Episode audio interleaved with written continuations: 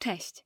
Ten odcinek podcastu Freakery będzie odcinkiem wyjątkowym. Niech będzie trochę dowodem na coś w stylu przyciągania się pewnych zdarzeń, bo dzisiejszy temat to przenikanie się miłości do kawy, Włoch i mody. Jeśli macie ochotę obejrzeć wszystko to, o czym będę mówiła, zapraszam Was również na kanał na YouTubie. A teraz z wielkim uśmiechem po drugiej stronie mikrofonu ogłaszam, że sponsorem tego odcinka jest firma DeLonghi i ekspres o wiele mówiącej nazwie La Specialista. Sama nazwa powinna w Waszej wyobraźni przywołać zapach świeżo mielonej kawy, pitej w ulubionej kawiarni albo w domu, który co rano może właśnie się nią stać. Perfetto, bo w tym miękkim włoskim słowie zawiera się kojący rytuał, zanurzenie dłoni w koralach kawy, aromat podczas mielenia i szum parzenia tego, co wypełni ogrzewający dłonie kubek. Może zabrzmi to jak banał, ale parę jakościowych minut rano to dla mnie naprawdę dobry wiatr w skrzydła na resztę dnia. I cóż, choć ekspres przygotuje wszystko z kawowego menu,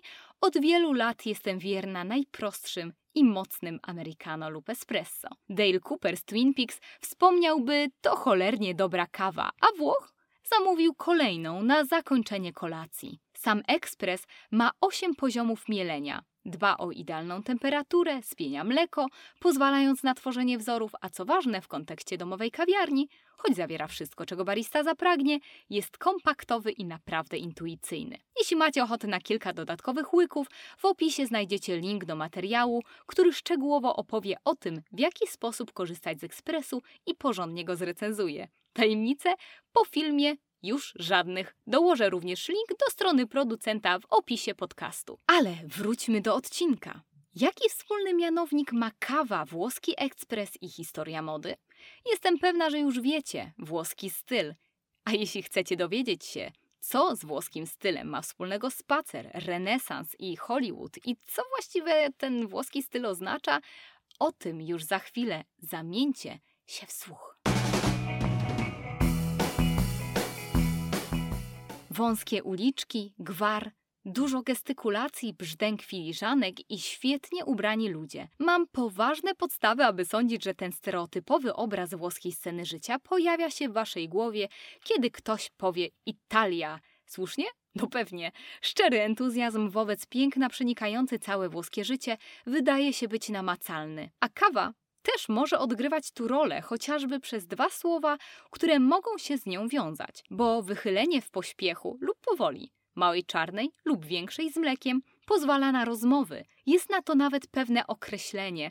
Pozwólcie, zacytuję po włosku, il piacere di stare insieme, czyli radość z przebywania razem. Choć wielu Włochów lubi podkreślać, że ich cechą jest indywidualizm, jak widać, można łączyć obie rzeczy. Teraz pora na mały włoski słownik stylu. Passeggiata, czyli sztuka patrzenia i bycia doskonale widzianym. Wieczorem, kiedy upał zelżeje, po pracy, kiedy jest czas na wzięcie oddechu i niespieszne przechadzanie się po mieście. Przecież Włosi opanowali do perfekcji sztukę dostrajania się do tego, co przyniesie dzień. Powoli. To czerpanie radości z interakcji. Wpadania na znajomych w otwierających się po sieście lokalach i zagajanie do nieznajomych, z którymi przywitamy się znowu za parę dni i przestaną być nieznajomi. Tematy rozmów różne, w tym żywe komplementy dotyczące stylizacyjnych wyborów. Niby nonszalancko, ale prezentując się przecież z najlepszej strony. A z tym wiąże się kolejny wątek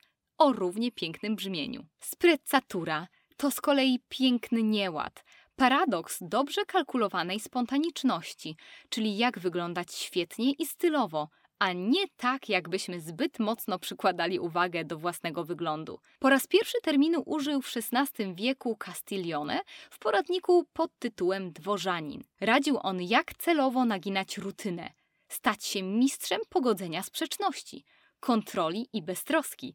To forma artystycznego nieładu, ukrycia długich godzin spędzanych nad dbałością o coś, w tym przypadku o wygląd – to fasada od niechcenia. W ujęciu stylu może to być więc łączenie pozornie niepasujących elementów, niedbałość, ale nie niechlujstwo, brak ostentacji, niedoprasowanie, zarzucenie na siebie ubrań, ale to wszystko po w pełni świadomych decyzjach. Sprezzatura to w końcu bardziej sposób noszenia danej rzeczy.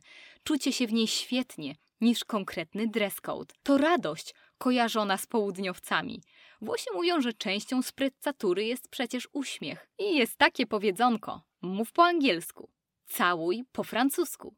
Prowadź samochód po niemiecku, ale ubieraj się, wiadomo, no właśnie, po włosku. Antonio Amuri wspominał, że jedynym sposobem na dobre poznanie kogoś jest ocena jego wyglądu. A w książce Sandra Veronesiego czytamy z kolei, że nigdy nie można ufać tym, którzy zakładają pod marynarkę krótki rękaw. I tak, szczególnie w odniesieniu do osób publicznych, każdy szczegół ich wyglądu, tak zwany il look, jest analizowany. Czego więcej można by się spodziewać po kraju, dla którego pojęcie la bella figura w bezpośrednim tłumaczeniu przełożone na tak zwaną piękną postać, czyli co z kolei oznacza wywierać dobre wrażenie, jest tak zakorzenione w kulturze jak samo picie espresso. Mimo swojej burzliwej historii i niejednorodności kraju, Włosi od okolic XII wieku byli znani z eksportu dóbr luksusowych, rzeczy najwyższej jakości i moda jest bardzo ważną składową włoskiej ekonomii to jeden z najjaśniejszych klejnotów kraju. Konfindustria Moda zrzesza ponad 60 tysięcy firm,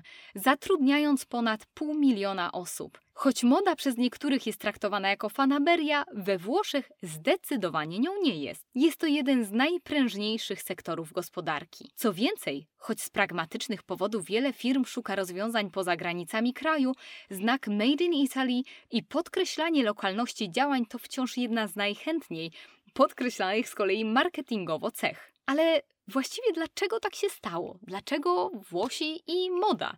Autor książki Włosi przyszedł z jednym z wytłumaczeń, które jest zresztą często cytowane. Według Johna Hoppera Włosi w historii nie mieli aż tak wielu powodów do imperialnej dumy narodowej, ale przy tym brali udział w największych odkryciach, a przede wszystkim tworzyli sztukę. Od renesansu po współczesne projekty samochodów. W dużym skrócie, dla wielu źródeł zamiłowania Włochów do mody trzeba szukać w czasach renesansu, kiedy to bogacące się rodziny Viscontich, Sforców i Medyceuszy w sztuce odnalazły kolejną formę pokazania swojego bogactwa, finansując dzieła malarstwa, rzeźby czy architektury. Sowicie wynagradzali wielu artystów, stając się ich mecenasami. Nawet stary dobry Szekspir pisał w Ryszardzie II o cytuję, dziwacznych modach przyniesionych z Włoch, które naród naśladuje za późno i bez lekkości. Czyli Włosi w modzie przodowali, a reszta to kopiowała. Jako źródło kultury Włochy dominowały również wiele aspektów mody, a więc części sztuki, co później na wiele kolejnych lat przejął Paryż. I tak naprawdę o drugim renesansie mody włoskiej możemy mówić dopiero od lat 50. XX wieku, kiedy to Italia doświadczyła cudu gospodarczego. Wcześniej mówiono oczywiście o luksusowych tkaninach, skórzanych dodatkach, obuwiu czy biżuterii i to już od wspomnianego XII wieku, ale niestabilna sytuacja polityczna owocowała brakiem jednolitego centrum włoskiej mody. Przez to Włosi w zasadzie byli wykluczeni z globalnego modowego maratonu. Najwyższej jakości tkaniny, fantazja krawiecka i niezwykłe rzemiosło stanowiły podwaliny włoskiej mody od zawsze. Przed latami 50. istniały przecież leżące jak rękawiczka garnitury Ermenegildo Zegny, innowacyjne techniki farbowania jedwabiu i zwrócenie ku rzymskim wzorcom przez Mariano Fortunego, dopieszczone do granic dodatki Ferragamo czy Gucci – czy też łączące sen i jawę surrealistyczne projekty Schiaparelli. I na początku XX wieku to ostatnie nazwisko niech posłuży nam za przykład, bo Schiaparelli wychwalano za wzbicie się na wyżyny sceny francuskiej, bo tam właśnie miała pracownię. Włochy nie były wciąż uznawane jako światowy ośrodek mody, a zresztą złośliwa Chanel z zazdrością i przekąsem nazywała ją tą Włoszką, co robi ubrania. Czyli wciąż najwyższym osiągnięciem było wtopienie się w scenę paryską. Co więc się wydarzyło, że Made in Italy stało się no właśnie modne? Była to suma polityczno-ekonomicznych planów na wskrzeszenie dobrostanu włoskiej gospodarki po II wojnie światowej. Włoski rząd wspierał rzemieślników, nowe fabryki, żeby wspomóc eksport włoskiej mody na ogromną skalę. Czy plan wypalił? I to jak? Od okolic roku 49 Włochy zaczęły organizować pokazy mody, które miały przyciągnąć uwagę dziennikarzy. Teraz warto zrobić mały przystanek. Wstąpimy razem na kawę? Ja zawsze piję czarną, mocną, po włosku espresso na dwa łyki, choć nie po włosku bez cukru.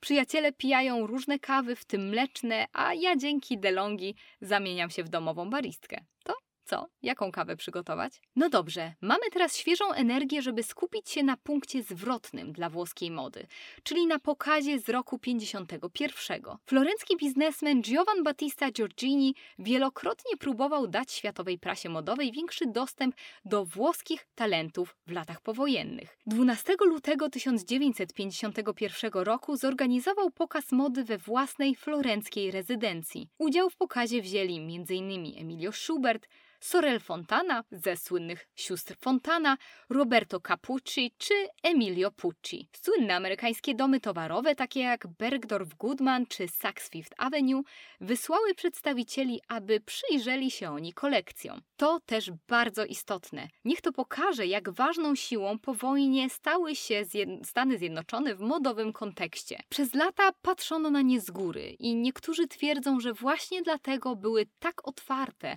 na wspaniałe wspaniałej jakości modę włoską. Ponad 300 zagranicznych dziennikarzy i kupców, którzy recenzowali lub podejmowali decyzje biznesowe, mogło przesunąć pionki na ubraniowej szachownicy. I tak zrobili właśnie w 1951 roku, a to zmieniło losy włoskiej mody. Wkrótce liczący się odbiorcy z Paryża jechali pociągiem do Florencji, a później do Rzymu, gdzie zaczęła pojawiać się alta moda. A czym jest alta moda? To moda wysoka, od couture we włoskim wydaniu. To był idealny czas na odkrycie w modzie nowej, świeżej karty – będącej balansem pomiędzy formalnym od couture z Paryża i sportowym amerykańskim stylem niesionym przez modę ready to wear. Jak trafnie zauważa Muzeum Met, tylko Włosi byli w stanie bardzo szybko wychwycić potrzebę mody dostępnej, ale przy tym eleganckiej, o niezrównanej jakości i kunszcie krawieckim. W tym samym czasie premiery miały takie filmy jak na przykład La Strada Felliniego, który zresztą zdobył dwa Oscary. Oczy widzów srebrnego ekranu natomiast zwróciły się w kierunku takich gwiazd jak Sofia Loren czy Gina Lollobrigida. Możemy tutaj wspomnieć o hollywoodzkim fenomenie sióstr Fontana, które ubierały największe gwiazdy, szyjąc kreacje m.in. dla Audrey Hepburn, Liz Taylor czy Kim Novak. Choć niby to Europa trzymała w garści modową koronę, to hollywoodzka fabryka snów rozdawała ważne karty. Dziennikarze i opiniotwórcze magazyny modowe zachwycały się włoskim luzem, La Dolce Vita, które zazębiało się z nowym, radosnym stylem życia, którego każdy po trudnych latach wojny był tak głodny. Podróże, słońce, szykowne okulary, dodatki i moda, która choć elegancka, nie była uważana za tak formalną jak moda francuska, a przy tym była jej tańszą alternatywą. To wszystko było jak idealny, kojący wielki plaster na trudną przeszłość. Lata 50. to też ogromna popularność spodni Capri, nazwanych zresztą na cześć włoskiej wyspy. W stronę lat 60. włoska moda nabrała jeszcze większego rozpędu, znów łącząc się z filmami ikonami, takimi jak chociażby La Dolce Vita ze zmysłową Anitą Ekberg Fontannie, albo Wczoraj, dziś, jutro z kultowym striptizem Sophie Loren. Bo włoska moda zawsze zawierała dozę erotycznego niedomówienia. Wydawała się dużo bardziej żywa i kolorowa niż wszystko to, co do tej pory było spotykane. I cóż, idealnie wpisało się to w nadchodzącą rewolucję młodzieńczości w latach 60. Kolorowe skutery Vespa, które pokochali brytyjscy modsi, czy równie kolorowe maszyny do pisania Olivetti zaczęto kojarzyć z idealnym balansem użyteczności i genialnego designu. Nazwisko Pucci i jego barwne, zygzakowate, lekkie, przylegające do ciała tkaniny tworzące iluzje optyczne. Wizjonerski Capucci i strukturalne formy jak kolorowe origami. Jego dziewięć sukni wystąpiło zresztą w reklamie Cadillaca. I w końcu Valentino, którego elektryzująca czerwień spotkała się z uwielbieniem gwiazd, a sama Jackie Kennedy miała na sobie koronkową suknię jego projektu na ślubie z Onassisem. W roku 61 pojawił się Vogue Italia, a oczy świata mody coraz częściej zwracały się w stronę Mediolanu, słynącego z absolutnie pięknych tkanin. Tam też od końca lat 50. odbywał się tydzień mody. Lata 70. przyniosły Armaniego i jego czyste linie, luksusowe materiały i strukturę garniturów, które nie miały nic wspólnego ze sztywnością. Przeciwnie, znów miały w sobie włoską nonszalancję. Film amerykański Żigolak z Richardem Girem z roku 80 przypieczętował jego sławę za oceanem. Versace stał natomiast po drugiej stronie barykady. Pod koniec lat 70. tworząc swoje pełne przepychu seksowne imperium, które dla wielu do dziś jest równoznaczne ze stereotypowym włoskim stylem z dozą kiczu, ale noszonego tak nonszalancko, że się broni. W tym samym czasie Domenico Dolce i Stefano Gabbana tkali własne wizje szykownej ekskluzywności, która garściami czerpała z wizji mody z czasów włoskiego boomu gospodarczego i właśnie wzorców ze srebrnego ekranu. Nie sposób zebrać tu wszystkich nazwisk. Przebiegliśmy ledwie sprintem przez niektóre nazwiska. Jest przecież i Moschino, i Diesel, i Gianfranco Ferre, i Fendi, i Bottega Veneta, i Escada, ale na to przyjdzie jeszcze czas. Złapmy teraz oddech. Valerie Steele, wspaniała historyczka mody, wspomina, że za tak zwanym włoskim stylem stoi unikalna struktura włoskiej mody, a ta ma z kolei dużo wspólnego z włoskim stylem życia, opartym na lokalności i związaniu z rodziną. Są zatem dostępne wielkie nazwiska, nowoczesne technologie, ale z drugiej strony przez lata istnieją małe zakłady, manufaktury, specjaliści, którzy wciąż nie są pomijani w łańcuchu produkcyjnym, a każdy region z kolei specjalizuje się w czymś innym. Z jednej strony, myśląc o włoskiej modzie, mamy w głowie zakodowane obrazy z okolic lat 50. i włoski styl, który dla jednych jest efektem połączenia kolorowego kubizmu i ciągot bauhausowskich. Ale z drugiej strony widzimy też renesansowy przepych. Dla wielu włoska moda zaczęła się z Armanim i Versace, ale jak słusznie zauważa Da Cruz, jej popularność to wypadkowa dobrobytu i nadmiernego konsumpcjonizmu, przede wszystkim boomu lat 50.